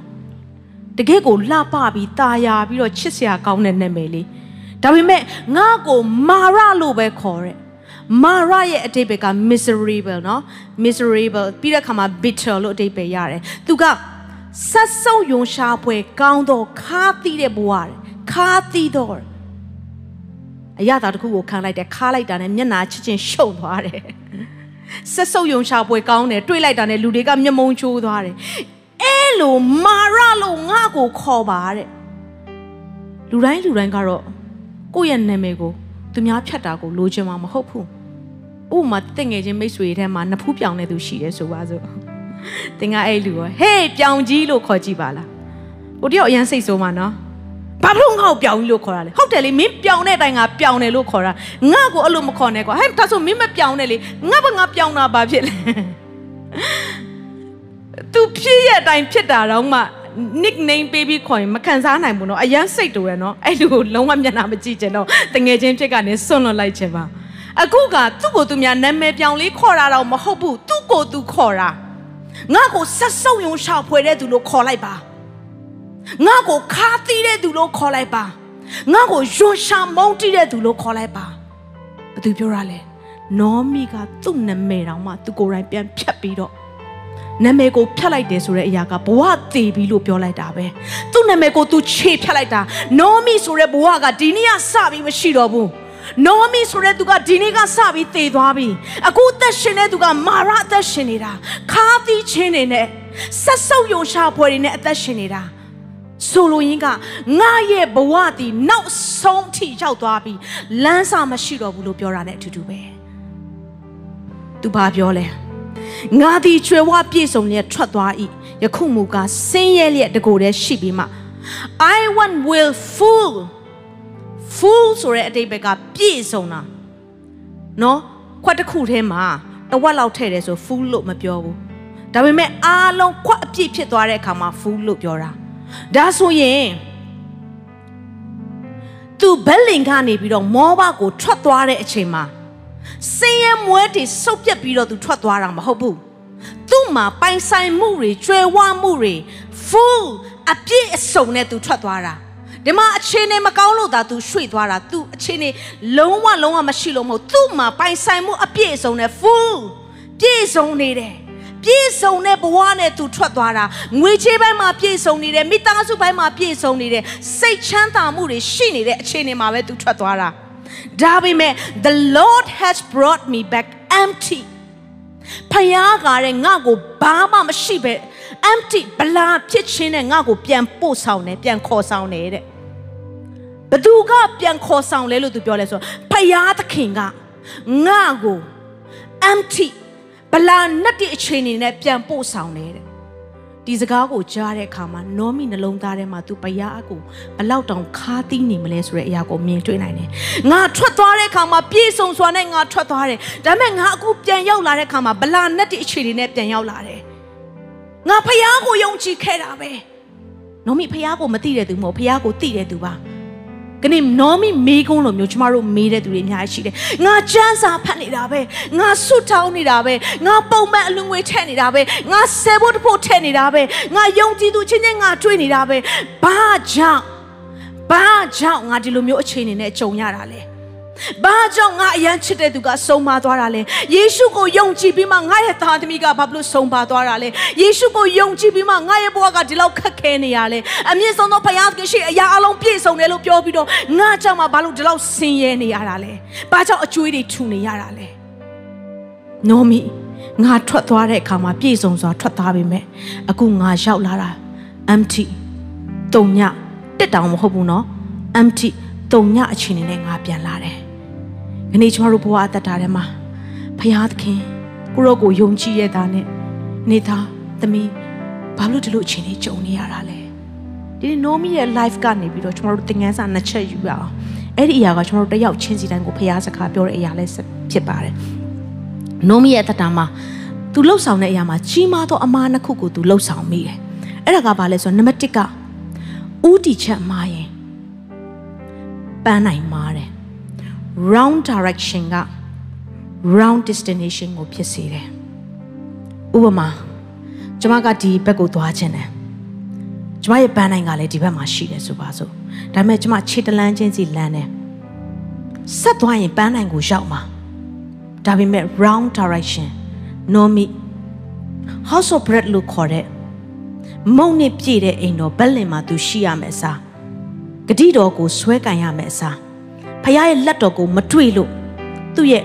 direction ကမှားသွားတယ်။ကောင်းကြီးရှိရမယ့်အရက်ကနေလွဲဖယ်ပြီးဖခင်ရှိရမယ့်အရက်ကနေလွဲဖယ်ပြီးတော့ဂတိတော်ရှိရမယ့်အရက်ကိုလွဲဖယ်ပြီးတော့မောဘကိုသူခြေလန်းလှမ်းခဲ့တယ်။ပန်းနိုင်ကဟိုဘက်မှာနောမီဆက်သွားတဲ့အခါမှာအဲ့ဒီပန်းနိုင်ကိုသူရောက်နိုင်ပါမလား။မရောက်နိုင်ဘူး။ ဒါဆိုရင်မောဘကိုခြေဦးလဲ့လိုက်တယ်ဆိုတဲ့အရာကဝိညာဉ်ပိုင်းမှာဘာကိုပုံဆောင်လဲဆိုတော့မောဘဆိုတဲ့အရာကနှုတ်ပတ်တော်ထဲမှာ60ခုမြောက်သောစာလံအငယ်၈မှာမောဘကိုဘလို့ခေါ်လဲဆိုတော့တစ်ချက်လောက်ဖတ်ပြချင်တယ်မောဘပြည်ကငါရေချိုးအိုးဖြစ်ရ၏မောဘနော်မောဘကဘာလဲဆိုတော့ is my wash basin မောဘကတဲ့အညစ်အကြေးတွေ ဆေးကြောတဲ့နေရာတဲ့အညစ်အပတ်တွေဆေးလိုက်တဲ့နေရာဖြစ်တယ်တဲ့ဖခင်ကမောဘကတဲ့အညစ်အပတ်တွေစွန့်ပစ်တဲ့နေရာတဲ့ခြေတော့တွေညစ်ပတ်မယ်ရှုံ့ပွက်တွေတကိုယ်လုံးပိန်နေမယ်သွားပြီးတော့အဲ့ဒီနေရာအရာမှာဆေးချပလိုက်တယ်အညစ်အပတ်တွေစွန့်တဲ့နေရာဖြစ်တယ်ဘာကြောင့်လဲဆိုတော့မောဘမှာ kimash k i m a s h kimash လို့ခေါ်တဲ့နတ်ဖခင်ကသူတို့ကိုးကွယ်တာဖြစ်တယ်အဲ့ဒီနတ်ဖျားကဒီလိုပူဇော်လို့မရဘူး အဲ့ခီမတ်လို့ခေါ်တဲ့နတ်ဖျားကကလေးတွေရဲ့အသွေးနဲ့ကလေးတွေကိုတတ်ပြီးတော့ပူဇော်ရတာမွေးကင်းစားကလေးကလေးငယ်လေးတွေရဲ့အသွေးကိုတတ်ပြီးတော့အဲ့ဒီနတ်ဖျားကိုပူဇော်ရတာအခုနောမီမောဘကိုခြေဦးလဲ့လိုက်တာနဲ့သူ့ရဲ့သားသမီးတွေအသွေးနဲ့ပူဇော်ခြင်းထဲမှာအနံ့လိုက်တယ်လို့ပဲမောဘကိုရောက်သွားတဲ့အခါမှာသားနှစ်ယောက်စလုံးတည်သွားတယ် ခင်မုန်းမှတည်သွားတယ်နောက်တစ်ခုကဘာလဲဆိုတော့ဖခင်ရဲ့ဂတိတော်ကိုယုံမဲ့အစားမောဘကိုသူမျှော်ကြည့်တဲ့အတွက်ဘာကိုပုံဆောင်လဲဆိုတော့ဖခင်သခင်ကိုရောရဲ့ဂတိထက်မောဘဂတိကပိုကောင်းပါတယ်လို့ပြောလိုက်တာ ਨੇ အတူတူပဲကိုရောရဲ့ဂတိမှာကျွန်တော်လှုပ်ရှားနေတယ်ဒါပေမဲ့မောဘမှာတော့ကျွန်တော်စိတ်တည်ငြိမ်စွာသွားနေတာဖြစ်တယ်ပြောလိုက်တာ ਨੇ အတူတူပဲအနေမိသားစုများ ဖခင်ရဲ့လက်တော်ကိုမမြင်ရပေမဲ့ဂတိတော်ကိုယုံကြည်တယ်ဆိုရင်အဲ့ဒီဂတိတော်ကိုဆက်ပြီးတော့အဆုံးထိဆွဲကင်ပါမြင်ရတဲ့အရာနဲ့မချိပါနဲ့ဝိညာဉ်နယ်ပယ်မှာမမြင်ရတဲ့ကောင်းချီးမင်္ဂလာတွေရှိတယ်မမြင်ရတော့ဖခင်ရဲ့ပြင်ဆင်ခြင်းတွေရှိတယ်အဲ့ဒီအရာကိုလမ်းပြီးမျှော်ကြည့်တတ်ဖို့ရန်အတွက်အရာရေးကြီးတယ်ယနေ့သင်ရဲ့ဝိညာဉ်သက်တာကဘက်လင်ကိုဥတီလားမောဘကိုဥတီလားဖျားစီကိုဥတီလားလောကဘက်ကိုဥတီလား တစုံတစ်ခုဖြစ်လာတဲ့အခါမှာဖျားစီကိုပြေးလားလောကဘက်ကိုသိအရင်ပြေးပြီးအားကိုးလားတချို့တော်သူတွေကမနဲ့ဆော့ဆော့မှာကိုရောတနေ့တောင်လုံးကိုရောနဲ့အစားပြုမယ်နော်အဲမနက်ထိအဆင်ပြေတယ်နေကင်းထိအဆင်ပြေတယ်ညနေလဲကြာဖုန်းလေးကောက်ပုတ်လိုက်တဲ့အခါမှာဗာတွေ့ရလဲဆိုတော့ဓာတ်ပုံလေးကြည့်ရင်ကြည့်ရင်ကြည့်ရင်ကြည့်ရင်မျက်စိမောက်မွားစရာတွေဖြစ်လာအောင်ကြည့်ရင်ကြည့်ရင်လည်းတခါတည်းကာမစိတ်တွေဖြစ်လာအောင်ကြည့်ရင်ကြည့်ရင်လည်း YouTube ကနေပြီးတော့တခြားဥစ္စာတွေပါရောက်လာအောင်ကောင်းတဲ့ဘက်သုံးလို့ရပါတယ်ဒါပေမဲ့တချို့သော လူငယ်တွေအထူးဖြစ်လူငယ်ဘဝမှာတခြားဘက်ကိုရောက်သွားတဲ့အရာတွေလည်းအများကြီးရှိတယ်။တင့်ကိုတင်တော့ညာလို့ရမှာမဟုတ်ပါဘူးပိုသိမှာပါနော်။ဆိုတော့ဖခင်နဲ့အစာပြုမယ်လို့ပြောပြီးမယ်လေလွဲချော်မှုတွေကလောကနဲ့သက်ဆိုင်တဲ့အရာတွေအများစွာရှိတဲ့အတွက်ကြောင့်မို့လို့တင့်ရဲ့နှလုံးသားတွေအမြဲတမ်းဖခင်စီကိုဥတီပြီးတော့ဖခင်စီကိုမျက်နာပြုတတ်ဖို့ရန်အတွက်အရန်ရေးကြီးတယ်။ဥတီချက်မှားသွားတာနဲ့ပန်းနိုင်ကအမြင်ပါတယ်။နောက်တစ်ချက်နောမီကဘာမှားသွားလဲဆိုတော့နမနေ့တစ်ချက်ကကိုဖခင်ကို မြင်တဲ့အမြင်ကမှားတယ်ဆိုရင်ကိုကိုကိုပြန်ကြည့်တဲ့အမြင်ကလည်းမှားနေတယ် distorted view of God က distorted view of life ကိုဖြစ်စေတယ်။ Nomi ကဖျားစီကနေကြောခိုင်းပြီးတော့သူသွားတယ်။ငါရဲ့ပန်းနိုင်ကဓမ္မရှိမလားသူသွားတယ်။ तू သွားလေလေအဲ့ဒီပန်းနိုင်ကဝေးလာတဲ့အခါမှာ Nomi ဘာဖြစ်လဲစိတ်ထိုလာတယ်။ဟာဖျားသခင် ကိုရောမလုံသေးဘူးလားဖယားသခင်ကိုရောပမာလဲဖယားသခင်ဘာလို့ခေါ်တာမထူးဘူးလဲကျမသွားနေတာပဲကျမလှုပ်ဆောင်နေတာပဲကျမဖယားကိုသိနေတာပဲသူ့ရဲ့ဥတီချက်ကမှားတဲ့အခါမှာသူစိတ်တူလာတဲ့အခါမှာဖယားကိုမြင်တဲ့အမြင်တွေကလည်းမှားလာတယ်ဖယားကိုမြင်တဲ့အမြင်တွေကမှားလာတဲ့အခါမှာသူ့ကိုသူမြင်တဲ့အမြင်လည်းမှားတယ်သူက very bitter တဲ့အရန်ခါတဲ့သူဖြစ်တယ်လို့သူ့ကိုသူမြင်သွားတယ် ဒီနေ့ Nomi ရဲ့ life မှာလမ်းဆုံးပြီလို့ထင်နေတဲ့အချိန်ကျွန်တော်ဘဝမှာလည်းလမ်းဆုံးပြီလို့ထင်နေတဲ့အချိန်မှာဖယားသခင်ကကျမတို့ကိုပြစ်မထားပါဘူးဖယားသခင်ကကျမတို့ကိုတနာတဲ့ဖယားဖြစ်တယ်ဖယားသခင်ကကျမတို့ကိုဂယုစိုက်တဲ့ဖယားဖြစ်တယ်အဲ့ဒီ Nomi round direction round destination ကိုဖြစ်စေတဲ့အရာတွေသူလုပ်ခဲ့တယ် ဘုရားကိုမြင်တဲ့အမြင်တွေမှားတဲ့အခါမှာသူ့ကိုယ်သူမြင်တဲ့အမြင်တွေကလည်းမှားလာတယ်။ဘုရားကိုခါသီးတဲ့အခါမှာသူ့ကိုယ်သူခါသီးခြင်းတွေဖြစ်လာတယ်။ဘုရားကိုအပြစ်တင်တဲ့အခါမှာသူ့ကိုယ်သူအပြစ်တင်ခြင်းတွေဖြစ်လာတယ်။ဘုရားမတတ်နိုင်တော့ဘူးလို့သူမြင်တဲ့အခါမှာသူ့ကိုယ်သူငါလည်းမလုံနိုင်တော့ဘူးလို့မြင်လာတယ်။ဘုရားနဲ့မှမပေါင်းထားတာတဏှာစီဖြစ်မှာတော့လူကဘာတတ်နိုင်မှာလဲ။ဒါပေမဲ့နောမီရဲ့ဘဝမှာသူအမားရွေးနှစ်ခုကိုလှုပ်ဆောင်ခဲ့ပေမဲ့မှန်တဲ့အရာတစ်ခုကိုတော့သူလှုပ်ဆောင်ခဲ့တယ်။ဟာလေလုယာ။ နှုတ်ဘတ်တော်ထဲမှာအနန္တတကိုးရှင်သည်ငါအားအလွန်ခါသောအရာကိုပေးတော်မူပြီးအဲ့ဒီခါသောအရာရဲ့ရှေ့မှာစကလုံးလေးရှိတယ်အရှိမကြည့်တဲ့အခါမှာအနန္တတကိုးရှင်သည်ပြောကြည့်ပါဦးအနန္တတကိုးရှင်သည်နောမီဖယားသူ့ကိုခါတဲ့အရာကိုပေးတယ်လို့သူထင်နေပေမဲ့အဲ့ဒီဖယားရဲ့ address အဲ့ဒီဖယားကဘသူဖြစ်လဲဆိုတဲ့အရာကိုတော့ तू ကောင်းကောင်းသိတယ်။သူ့မှာမျောလင်းချက်တွေမရှိတော့ဘူးယုံကြည်ခြင်းတွေမရှိပေမဲ့လည်းအဲ့ဒီမဖြစ်စလောက်လေးတိတိလေးခြံခဲ့တဲ့အနန္တတကိုးရှင်သည်ဆိုတဲ့အရာလေးကို तू နှုတ်ကနေဖွင့်လိုက်တဲ့အရာမှာဖယားကောင်းကောင်းကြားတယ်။အဲ့ဒီအနန္တတကိုးရှင်သည်လို့နောမီပြောလိုက်တဲ့အရာကအင်္ဂလိပ်မှာဆို the almighty almighty အရာခတ်သိမ်းကိုတတ်ဆွမ်းတဲ့ဖခင်အဲ့ဒီစကားလုံးလေးကို Hebrews မှာဘယ်လိုရေးထားလဲဆိုတော့ El Shaddai လို့ရေးထားတယ် El Shaddai ဆိုတဲ့ Hebrew ရဲ့စကားလုံးလေးကသူကဘာလဲဆိုတော့နှုတ်အုံများစွာရှိသောမိခင်တဲ့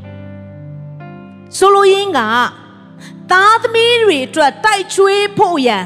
အလုံးအလောက်အရှံပယ်ရှိနေတယ်။တနည်းအားဖြင့်ဖယားသခင်သည်ကျမတို့ကိုကျွေးမွေးပြုစုဖို့ရန် ထောက်ပံ့ဖို့ရန်ပြည့်စုံစွာအလုံးလောက်ရှိနေတယ်ဆိုတဲ့အတိတ်ပဲဖြစ်တယ်။အဲ့ဒီ El Shaddai ဆိုတဲ့စကားလုံးလေး Hebrew စကားလုံးလေးကိုထပ်ကြည့်တဲ့အခါမှာ Hebrews မှာ၃မျိုးတွေ့ရတယ်။ပထမတစ်ခုက ample ample ဆိုတဲ့အတိတ်ပဲက AMPLE ample ဆိုတဲ့အတိတ်ပဲက more than enough plentiful လုံလောက်တည်ထက်ပိုရှံနေတဲ့ပိုများချွေဝတယ်တဲ့နောက်တစ်ခုကဘာလဲဆိုတော့ adequate adequate ကဘာလဲဆိုတော့လိုအပ်တဲ့အချိန်မှာသင်ဘယ်နေရာမှာပဲရှိနေပါစေဘယ်အရက်မှာပဲရှိနေပါစေဘယ်အချိန်ပဲဖြစ်နေပါစေဘယ်သူနဲ့ပဲဖြစ်နေပါစေသင်ဘယ်အချိန်မှာဘာလိုအပ်လဲအဲ့ဒီသင်လိုအပ်တဲ့အချိန်ကိုချက်ချင်းရောက်ရှိစေတယ်လိုအပ်သမျှအားလုံးကိုပြည့်စုံစေတယ်။သင်ရဲ့လိုအပ်ချက်အားလုံးကိုဖြည့်ဆည်းပေးတဲ့အတိတ်ပဲဖြစ်တယ်။အဲ့ဒီမျက်မှောက်တော်ကလိုအပ်သမျှကိုဖြည့်ဆည်းပေးတဲ့မျက်မှောက်တော်ဖြစ်တယ်။နောက်တစ်ခုက enough လိုတော်ရတစ်ခုမှမရှိတော့ဘူး။အဲ့ဒီ မိခင်တယောက်လုံးနှုတ်အုံများသောမိခင်တယောက်တလို့သားသမီးတွေအတွက်အမြဲတမ်းရှိပြီးတော့ထောက်ပံ့ပြင်ဆင်ပြီးတော့စိတ်ပူပန်စရာမလိုလောက်အောင်ကိုရှံပိတ်အောင်ပြင်ဆင်ပေးတဲ့ El Shaddai ဖခင်ဖြစ်တယ်ဟာလေလုယာဟာလေလုယာနိုမီရဲ့အနန္တတကိုးရှင်သည်ဆိုတဲ့စကားလေးကိုဖယားကပြန်ကောင်းချီးပေးတဲ့အခါမှာဘသူအဖြစ်ကောင်းချီးပေးလဲဆိုတော့ကျွန်တော်တို့အားလုံးသိပြီးသားပါရူသာအဖြစ်ပြန်ကောင်းချီးပေးတယ်နောက်ဆုံးမှာရူသာကဘောဇာနဲ့ မင်္ဂလာဆောင်သွားတယ်သူသစ္စာရှိခြင်းကြောင့်ရတာဖြစ်တယ်ဒါကြောင့်တချို့သောမိန်းကလေးတွေကကြောက်တွေ့ဘူးတယ်ဆမတဲ့ကျမဟိုအိမ်အောင်ဘက်အတွက်ဆူတောင်းထားတာတဲ့ဘယ်လောက်ရှိလဲအချက်82ချက်ရှိတယ်တဲ့ဟာမများဘူးလားဆိုတော့များတော့များတယ်လေဒါပေမဲ့ဘာကြံခဲ့မလဲဆိုတာစဉ်းစားနေတာတဲ့အဲ့ဒါကြည့်ပြီးပါဟဲဘယ်လိုလုပ်ကြည့်ရမလဲအဲ့ဒါဘယ်လိုဆူတောင်းလဲလို့တစ်ခုချင်းစီဆူတောင်းတဲ့အခါမတ်မိလားဆိုမမတ်မိဘူးတဲ့ဆူတောင်းတဲ့အခါတိုင်းအဲ့စာရွက်ကိုပြန်ရှားတယ်တဲ့ အများကြီးမတ်မိစရာမလိုဘူးလို့အချက်၃ချက်ပဲလို့တမိလိုချင်တာဒီ၃ချက်ပဲမလားလို့ဘာလဲတဲ့နံပါတ်1 godly man ဖះကိုကြောင်းယူတည်တဲ့သူနံပါတ်2 handsome man ရုပ်ရည်ချောမောတဲ့သူနံပါတ်3 rich man ချမ်းသာတဲ့သူအဲ့သုံးခုပဲမလားဟုတ်တယ်အကျိုးလူကြုံများအကျိုးလူကြုံများနော်အဲ့သုံးချက်ဘုရားကိုဖတ်ထားရင်တော့သင်အကောင်းဆုံးသောသူနဲ့ရမှာပဲ ဘာလို့လဲဆိုဘုရားအထက်မှာအရာခက်သိမ်းရှိတာ။ El Shaddai ဘုရားဖြစ်တာ။ဆိုတော့ Ruth ကတတိဘောစားနဲ့ထိမ်းများလက်ထပ်ပြီးတဲ့အခါမှာတကယ်ကို rich man, handsome man, godly man ကိုသူရထားတဲ့အခါမှာသားငယ်လေး Obed ကိုသူသားယောက်ျားလေးကိုရလာတယ်။ဒါနဲ့ Nomi ကဒီသားငယ်လေးကိုသူခြီပြီးတော့အဲ့ဒီအချိန်မှာဘာတွေ့ရလဲဆိုတော့ Ruth ဝတ္ထုခန်းကြီး၄ငယ်14ကနေ15မှာ မိမတို့သည်လည်းနောမီအားတင့်ကိုပြုစုသောအမျိုးသားချင်းကိုယနေ့ဖြတ်တော်မမူသောသာရဖျားသည်မင်္ဂလာရှိတော်မူပါစေသောယခုရသောအမျိုးသားချင်းသည်လည်းဣသရေလအမျိုး၌အသေးကျော်စောပါစေသောသူသည်တင်းအသက်ကိုပြုပြင်တော်သူတင်းအသက်ကြီးသောအခါတင့်ကိုကောင်းမွန်စွာပြုစုတော်သူဖြစ်ပါစေသောတင့်ကိုချစ်၍သားခုနှစ်ယောက်ထက်တင့်ဖို့သာ၍ကောင်းသောတင်းချွေးမသည်တားယောက်ျားကိုဖွားမြင်ပြီဟုပြောဆိုကြ၏ဒီထဲမှာ မိမတယောက်ပဲမဟုတ်မိမတို့သည် English မှာဆို women เนาะ W O M E N မိမတို့သည်တဲ့ရခင်ကသူ့ဘေးနားမှာအုံကြက်ကြက်လူတွေတိုးလာတဲ့အခါမှာသူ့ကိုအထင်သေးတဲ့မျက်လုံးတွေနဲ့ချိန်ခဲ့တဲ့အရာရှိလိမ့်မယ်ဒါပေမဲ့အခုသူ့ဘေးနားမှာဝန်းရံလာတဲ့အခါမှာသူ့ကိုအထင်သေးတဲ့အရာတွေမဟုတ်တော့ဘူးနောမီသူဆုံရှုံသွားသမျှအရာအတွက်အဲ့ဒီသူတွေရောက်လာတဲ့ကနောမီကို အားပေးစကားတွေချီးမွမ်းစကားတွေကောင်းချီးပေးစကားတွေကိုဆေလွတ်လာတယ်။အိုးမင်းတက်ကြီးတဲ့ခါမှာမင်းကိုပြုစုပါစေအတီးကြော်စောပါစေဆိုပြီးတော့လူတွေရဲ့နှုတ်ကနေချီးမွမ်းစကားတွေရောက်လာတယ်။မင်းရရှိတဲ့ချွေးမကမင်းသားခုနှစ်ယောက်ရရင်တော့မှဒီချွေးမလောက်ကောင်းမှမဟုတ်ဘူးဆိုပြီးတော့ချီးမွမ်းတဲ့အရာတွေရရှိလာတယ်။နောမီဘုရားလမ်းဆုံးသွားပြီလို့ထင်နေတဲ့အချိန်မှာအခုသူ့အတွက်လမ်းအစာကိုပြန်ရရှိလာတယ်။အ နေကျမတို့ဘဝမှာလမ်းဆုံးပြီလို့ထင်တဲ့အခါမှာဖခင်ကလမ်းအစာကိုပြန်ပြီးတော့ပြင်ဆင်ပေးတဲ့ဖခင်ဖြစ်တယ်။နောမီသူ့ကိုသူမာရလို့ခေါ်လိုက်တဲ့အခါမှာနောမီမသိလိုက်တဲ့အရာတခုရှိတယ်။အဲ့ဒါကဘာလဲဆိုတော့မာရကိုလည်းဖခင်ကချိုမြိန်စေနိုင်တယ်ဆိုတာသူသူမေ့နေတယ်။ဘာကြောင့်လဲဆိုတော့ဣသရေလလူတွေတော်ထဲမှာကျင်လည်တဲ့အခါမှာမောရှိကိုပြစ်တင်တယ်မာရအရရောက်တဲ့အခါမှာရေကအရန်ခါတဲ့အခါမောရှိကိုညင်းညူကြပြစ်တင်ကြတယ်ဝေဖန်ကြတယ် ဒါနဲ့မောရှိကဖယားကိုပြောတဲ့အခါမှာဖယားလှုပ်ခိုင်းတဲ့အရာတိုင်းလှုပ်လိုက်တယ်ဘာလဲဆိုတစ်ပင်တပင်ကိုနော်ခါရဲခုတ်ဖြတ်ပြီးတော့ချိုးပြီးတော့အဲ့ဒီခါပါတယ်ဆိုရယ်မာရရေတွေကိုပြစ်လိုက်တဲ့အခါမှာမာရရေကပြန်ချိုလာတယ်ခဏအဲ့ဒီတစ်ပင်ဒီဟုသောခရစ်တော်ကတင့်ရဲ့ခါဆိုတော့အသက်တာတွေကိုရောက်ရှိလာတဲ့အခါမှာခါနေပါတယ်လို့လူတွေကရှုံတွပြီးတော့ပြောနေတဲ့အချိန်တွေမှာပဲလင်အဲ့ဒီမာရကပြန်ချိုလာတယ်ဟာလေလုယာလူတွေကခါနေပါတယ်လို့သတ်မှတ်ထားပြီးတော့ လုံးဝတောက်သုံးလို့မရတော့ဘူးပြစ်ထားတဲ့အခြေအနေမှာပင်လင်မာရသည်ချုံမြေခြင်းကိုဖြစ်စေသောရေဖြစ်လျက်လူတွေအတွက်ပြန်လဲပြီးတော့တောက်သုံးတဲ့အခါမှာမင်္ဂလာဖြစ်စေပြီးတော့အသက်ရှင်ခြင်းကိုဖြစ်စေတဲ့မာရဖြစ်လာတယ်။ငနေ့သင်ကမာရကဲ့သို့ခါရင်တော့မှဖယားကသင်ကိုပြန်ချိုစေနိုင်တယ်။မာရကဲ့သို့လူတွေကသင်ဘဝကိုသင်လက်လျှော့နေရင်တော့မှဖယားကသင်သက်တာထဲမှာယေရှုနဲ့ပေါင်းဖက်ခြင်းအဖြစ်သင်ရဲ့ဘဝသက်တာကပြန်ချုံမြိန်လာစေတယ်။ ဟာလေလုယာခဏလက်ညှိုးထိုးခံရတဲ့မာရာကလူတွေအတွက်ကောင်းကြီးဖြစ်တယ်။နောမီရဲ့ကြခဲ့တဲ့မျက်ရည်တွေအားလုံးနောမိဘဝမှာဆုံးရှုံးပြီလို့လမ်းဆုံးပြီလို့ထင်တဲ့အရာအလုံးဘုရားဘလောက်တောင်ပြန်ကောင်းချီးပေးလဲဆိုတော့မဿဲခန်းကြီး1ငယ်15ကနေ16အဲ့ဒီမှာတွေ့ရတယ်သူရဲ့မျိုးဆက်လေးမှာဘောဇာသည်မိမိခင်ပွန်းရုသရီမြင်သောသားအောဘတ် အောဘတ်သားယေရှဲယေရှဲသားဒါဝိဒ်မင်းကြီးသည်ဒါဝိဒ်မင်းကြီးသည်ဥရိယ၏ခင်မွန်းဖြစ်ဘူးသောမိမတွေမြင်သောသားရှောလမုန်ရှောလမုန်သားယောဘောင်အဆက်အဆက်အဆက်အဆက်အဆက်မျိုးနွယ်ဆင်ဆွတ် family tree လေးကိုဖတ်တဲ့အခါမှာအဲ့နောက်ဆုံးမှာဘာတွေ့ရလဲဆိုတော့ကျွန်မနည်းနည်းကြော်လိုက်မယ်နော်နည်းနည်းများတဲ့အတွက်ယာကုပ်မြင်သောသားကမာရိ၏ခင်မွန်ယောသက်တီထိုမာရိသည်ခရစ်ဟုခေါ်ဝေါ်သမုတ်သောယေရှု၏မေတော်ဖြစ်၏ဟာလေလုယာ အဲ့ဒီဘောဆာရဲ့မျိုးနွယ်စင်ဆက်ရုတာရဲ့မျိုးနွယ်စင်ဆက်သမိုင်းကြောင်းကိုပြန်ကြည့်တဲ့အခါမှာနောက်ဆုံးမှာဘသူမွေးဖွားလာလဲယေရှုခရစ်မွေးဖွားလာတယ်။ခရစ်ကျွန်တော်တို့ကိုကယ်တင်တဲ့ယေရှုခရစ်က အဲ့ဒီလက်လျှော့ထားပါပြီဆိုရဲနောမီလမ်းဆုံးပြီဆိုရဲနောမီရဲ့မျိုးနွယ်စင်ဆက်တွေကနေပြန်ပြီးတော့မွေးဖွားလာစေတယ်။ဘုရားသခင်ကလမ်းမရှိတဲ့ရက်မှာလမ်းကိုပြင်ဆင်ပေးတဲ့ဘုရားဖြစ်တယ်။မျောလင်းချက်မဲ့နေတဲ့အချိန်မှာမျောလင်းချက်ကိုပြင်ဆင်ပေးတဲ့ဘုရားဖြစ်တယ်။ဒါကြောင့်မိသားစုများတင့်ကိုယ်တင် empty ဖြစ်နေတယ်။ဘလာနတ်တီပဲငါမှဘာမှမရှိတော့ဘူးငါမှဆုံးရှုံးနေတယ်။ငါမှအကျွေးတွေပက်လက်ဝဲနေတယ်။ငါကိုဘသူကနားလေပေးနေမလဲ။ငါရဲ့မိသားစုချင်းတွေကဘလို့မျိုးဖြစ်နေမလဲဆိုတဲ့အသက်တာဆုံးရှုံးမှုတွေနဲ့ခံစားနေရတယ်အခြားသောသူတွေကသက်သေခံချက်တွေများစွာရှိနေပေမဲ့သင်ဘဝမှာဘာသက်သေမှမရှိသလိုခံစားနေရတယ်ဆိုရင်အဲ့ဒီခါနေတဲ့မာရကိုဖခင်ကချုံမြင်စေတယ်ဟာလေလုယာဒီနေ့ဒီချိန်မှာမိသားစုတွေထဲမှာ struggle လုပ်နေရရုန်းကန်လှုပ်ရှားနေရတဲ့သူရှိလားချို့သောသူတွေကဒီကာလမှာဆုံးရှုံးမှုကြီးမားစွာခံစားရတယ်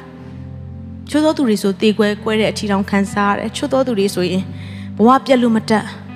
သူကိုယ်သူအဆုံးစီရင်ခြင်းနဲ့ထီတောင်ခံစားရတယ်တိမိသားစုမှာဘလို့ကြုံတွေ့နေရလဲတင်မှာဘာအခက်အခဲရှိလဲလူတွေကိုပြောမပြနိုင်တဲ့အခက်အခဲတင်မှာရှိလားဖယားသခင်ကိုရောအသက်ရှင်ရဲ့လားအသက်ရှင်သေးရဲ့လားလို့တော့မှတန်တရားဖြစ်လာတဲ့အချိန်นี้တင်မရှိဘူးလား အကယ်၍တင်မှာဝိညာဉ်ပိုင်းဆိုင်အမှာခံစားရတဲ့အရာတွေကာယပိုင်းဆိုင်မှာခံစားရတဲ့အရာတွေစိတ်ပိုင်းဆိုင်မှာခံစားနေရတဲ့အရာတွေရှိတယ်ဆိုရင်ဘုရားသခင်မာရလို့ဖြစ်နေတဲ့ကျွန်တော်ရဲ့အသက်တာကျမရဲ့အသက်တာကို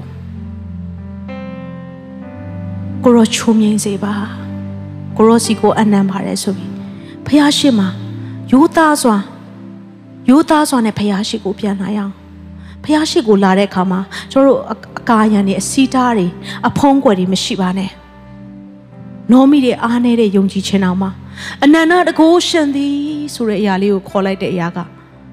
El Shaddai လို့ခေါ်လိုက်တဲ့အရာထဲမှာဘုရားကသူ့ရဲ့နာကျင်ခြင်းတွေကနေပြီးတော့တတ်တာခြင်းတွေပေးလာတယ်။အားနေခြင်းတွေကနေပြီးတော့ခွန်အားကိုပေးလာတယ်။ ဝမ်းနေခြင်းတွေကနေဝမ်းမြောက်ခြင်းကိုပြန်ပေးတယ်။ဖြာနာခြင်းတွေကနေကျမ်းမာခြင်းကိုပြန်လည်ပြီးပေးနေတယ်။ဒီလိုမဲ့အရာကတခုပဲအဲ့ဒါကမောဘကနေပြန်လှည့်ပြီးတော့ဘက်လင်ကိုပြန်သွားဖို့ပဲဖြစ်တယ်။မောဘကိုဆက်သွားနိုင်မယ်ဆိုရင်တော့သင်ဆုံးရှုံးဖို့ပဲဘက်လင်ကိုပြန်သွားပါ။သင်ရဲ့နှလုံးသားကိုဘက်လင်ပြန်ပို့ပါ။သင်ရဲ့နှလုံးသားကိုမောဘမှာမချန်ခဲ့ပါနဲ့။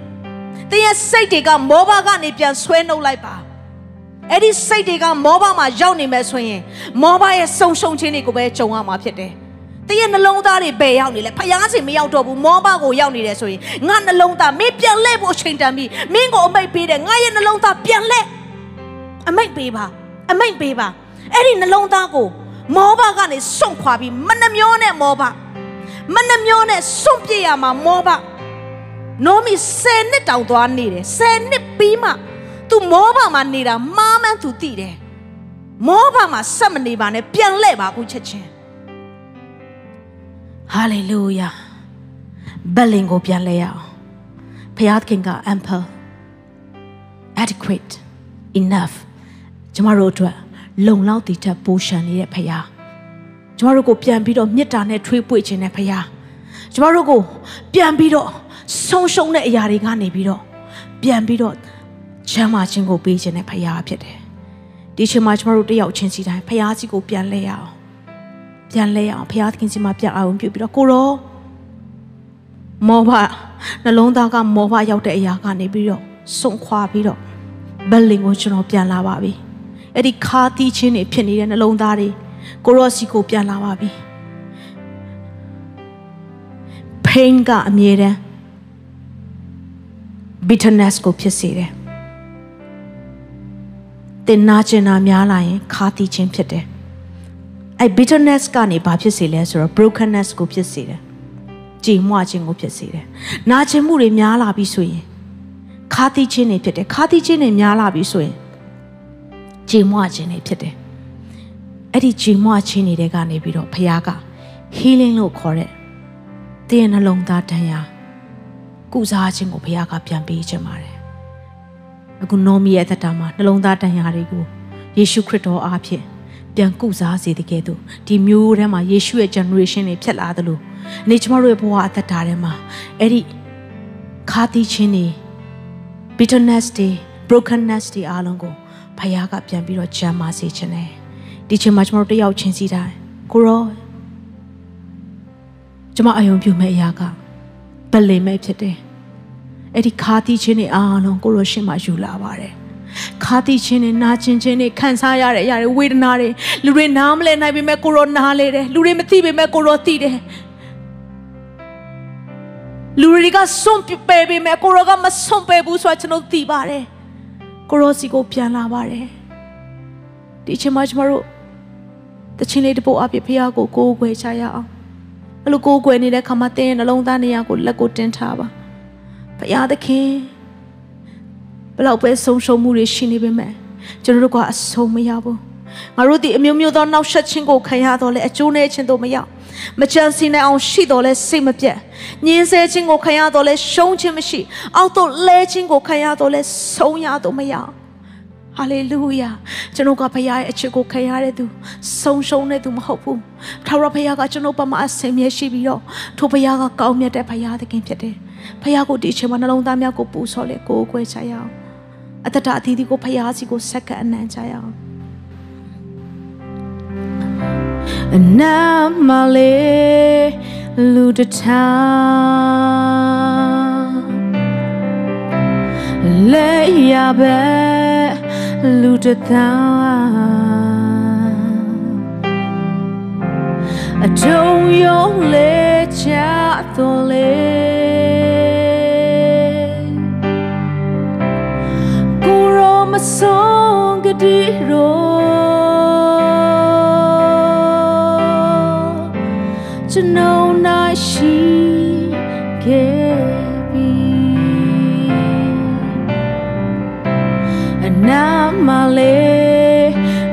လူတထောင်လဲရပဲလူတထောင်အတုံးယုံလေးချတော်လေးကိုရောမ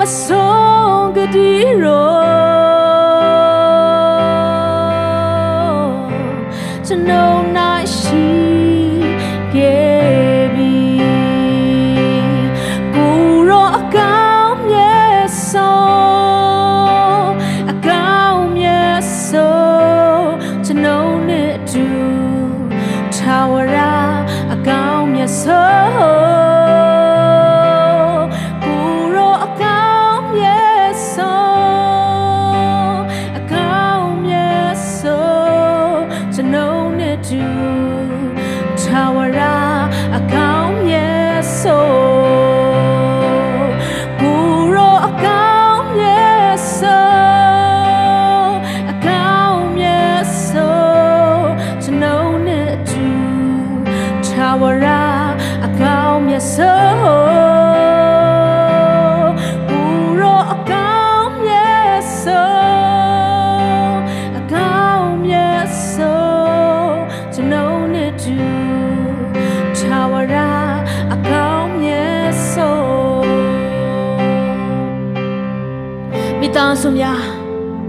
ရားသခင်ကတရဲ့နှလုံးသားတန်ရာတွေကိုယခုပင်ကုသပေးနေပြီနောမီဘဝတတမှာခါတိခြင်းတွေရှိနေပေမဲ့လေထိုအယ်ရှဒိုင်ဖယားကထောက်ပံ့ပြစ်စင်သောဖယားကလုံလောက်သည့်ထပ်ပိုရှန်စွာပေးတဲ့ဖယားကစွန့်ပြည့်ရမထားသောဖယားကသင်နဲ့အတူရှိတယ် ကိုမိဘတို့ဒီကျွန်တော်ကိုစွန့်ပစ်တော်လဲထာဝရဖယားဒီကျွန်တော်ကိုချီယူတော်မူပြီးသင်ကိုရန်ချစ်တဲ့မိဘတွေကသင်ကိုစွန့်ပစ်နေတော့မှဖယားကငါဒီသင်ကိုမစွန့်အလင်းပြည့်ရမထားအိုးကောင်းကင်နဲ့မြေကြီးမထီတော်လဲငါရဲ့ဂတိတော်စကားကသင်မထီနေတယ်အိုးငါကိုမျှော်ချီပါငါကအရာခသိအလုံးစုံတို့ရဲ့အဖြစ်ဖြစ်တယ်ထာဝရဖယားကိုကိုးစားတော်သူထာဝရဖယားကိုမိမိကိုးစားစရာအကြောင်းဖြစ်စေတော်သူကမင်္ဂလာရှိတယ်။ခဏနောမီကအနန္တတကူရှင်သည်လို့ခေါ်လိုက်တဲ့အရာလေးတစ်ခုကဖယားရဲ့မာစာခြင်းတက်ရောက်လာတဲ့ကဲ့သို့ခဏကိုရောလို့ကျွန်တော်တို့နှလုံးသားတွေကနေအော်ဟစ်လိုက်တဲ့အရာကဖယားရဲ့ဂယုဏတော်ကယခုပင်တက်ရောက်နေပြီဖြစ်တယ်။လက်ခံကြိုးဆိုပါလက်ခံကြိုးဆိုပါမောပါမှာတင်းရဲ့နှလုံးသားတွေဆက်မရှိပါနဲ့။ ယခုပင်ဘက်လင်ကိုသွားပါအဲ့ဒီဘက်လင်မှာပေါ်များခြင်းကြွယ်ဝခြင်းရှိတယ်အဲ့ဒီဘက်လင်ဒီဟူသောဘုရားရဲ့မျက်မှောက်တော်ထဲမှာအရာအလုံးအပြည့်ရှိတယ်အဲ့ဒီဘက်လင်ဒီဟူသောဘုရားရဲ့မျက်မှောက်တော်ထဲမှာသင်လိုသမျှထောက်ပံ့ခြင်းတွေရှိတယ်အိုးဒါကြောင့်ကိုရိမျက်မှောက်တော်ထဲမှာကျွန်တော်နေချင်ပါတယ်အိုးငါမူကထာဝရဘုရားကိုမျှော်လင့်မိ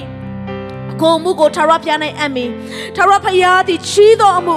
စိတ်ရမကုံနိုင်သောအမှုရေတွက်၍မစုံအံ့ပွဲသောအမှုတို့ကိုပြုတော်မူပြီးဒီထဲမှာချီးသောအမှုက great things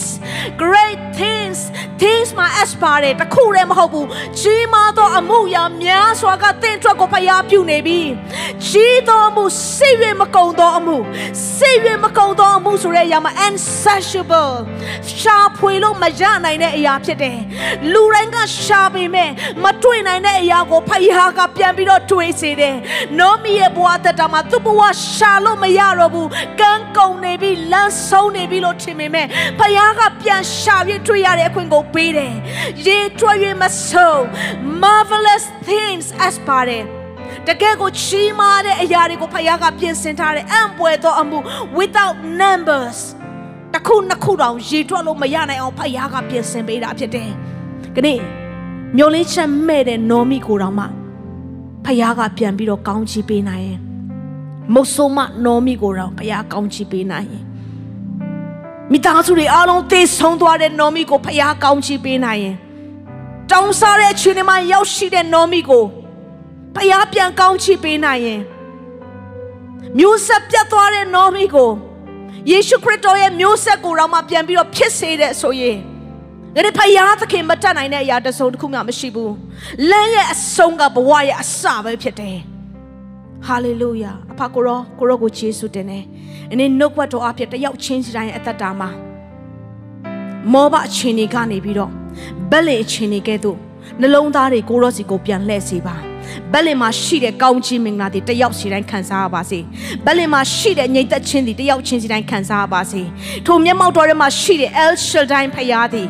Emperor ဖယားသည် adequate ဖယားသည် enough ဖြစ်စေသောဖယားသခင်သည်လုံလောက်တည်ထက်ပိုရှန်စေသောဖယားသခင်အနေ့တယောက်ချင်းစီတိုင်းအသက်တာတွေကိုယေရှုနာမနဲ့ကောင်းချီးပေးတယ်အနေ့နှုတ်ကပတ်တော်သည်တယောက်ချင်းစီတိုင်းအသက်တာထဲမှာအပင်ပေါက်စေလျက်ထိုနှုတ်ကပတ်တော်ကမေ့လျော့ခြင်းမဟုတ်ဘဲနဲ့အဲ့ဒီနှုတ်ကပတ်တော်ကယခုပဲအမျက်ဆွဲစေလျက်အသက်ဖြစ်စေပါအသက်ရှင်စေပါဖယားစကားပြောပါဖကိုရောကိုယေရှုတင်နေဖယေရှုတော်ကိုချီးမွမ်းလျက်ယေရှုနာမ၌ဆုတောင်းဆက်ကပ်အနံကောင်းချီးပေးပါ၏အာမင်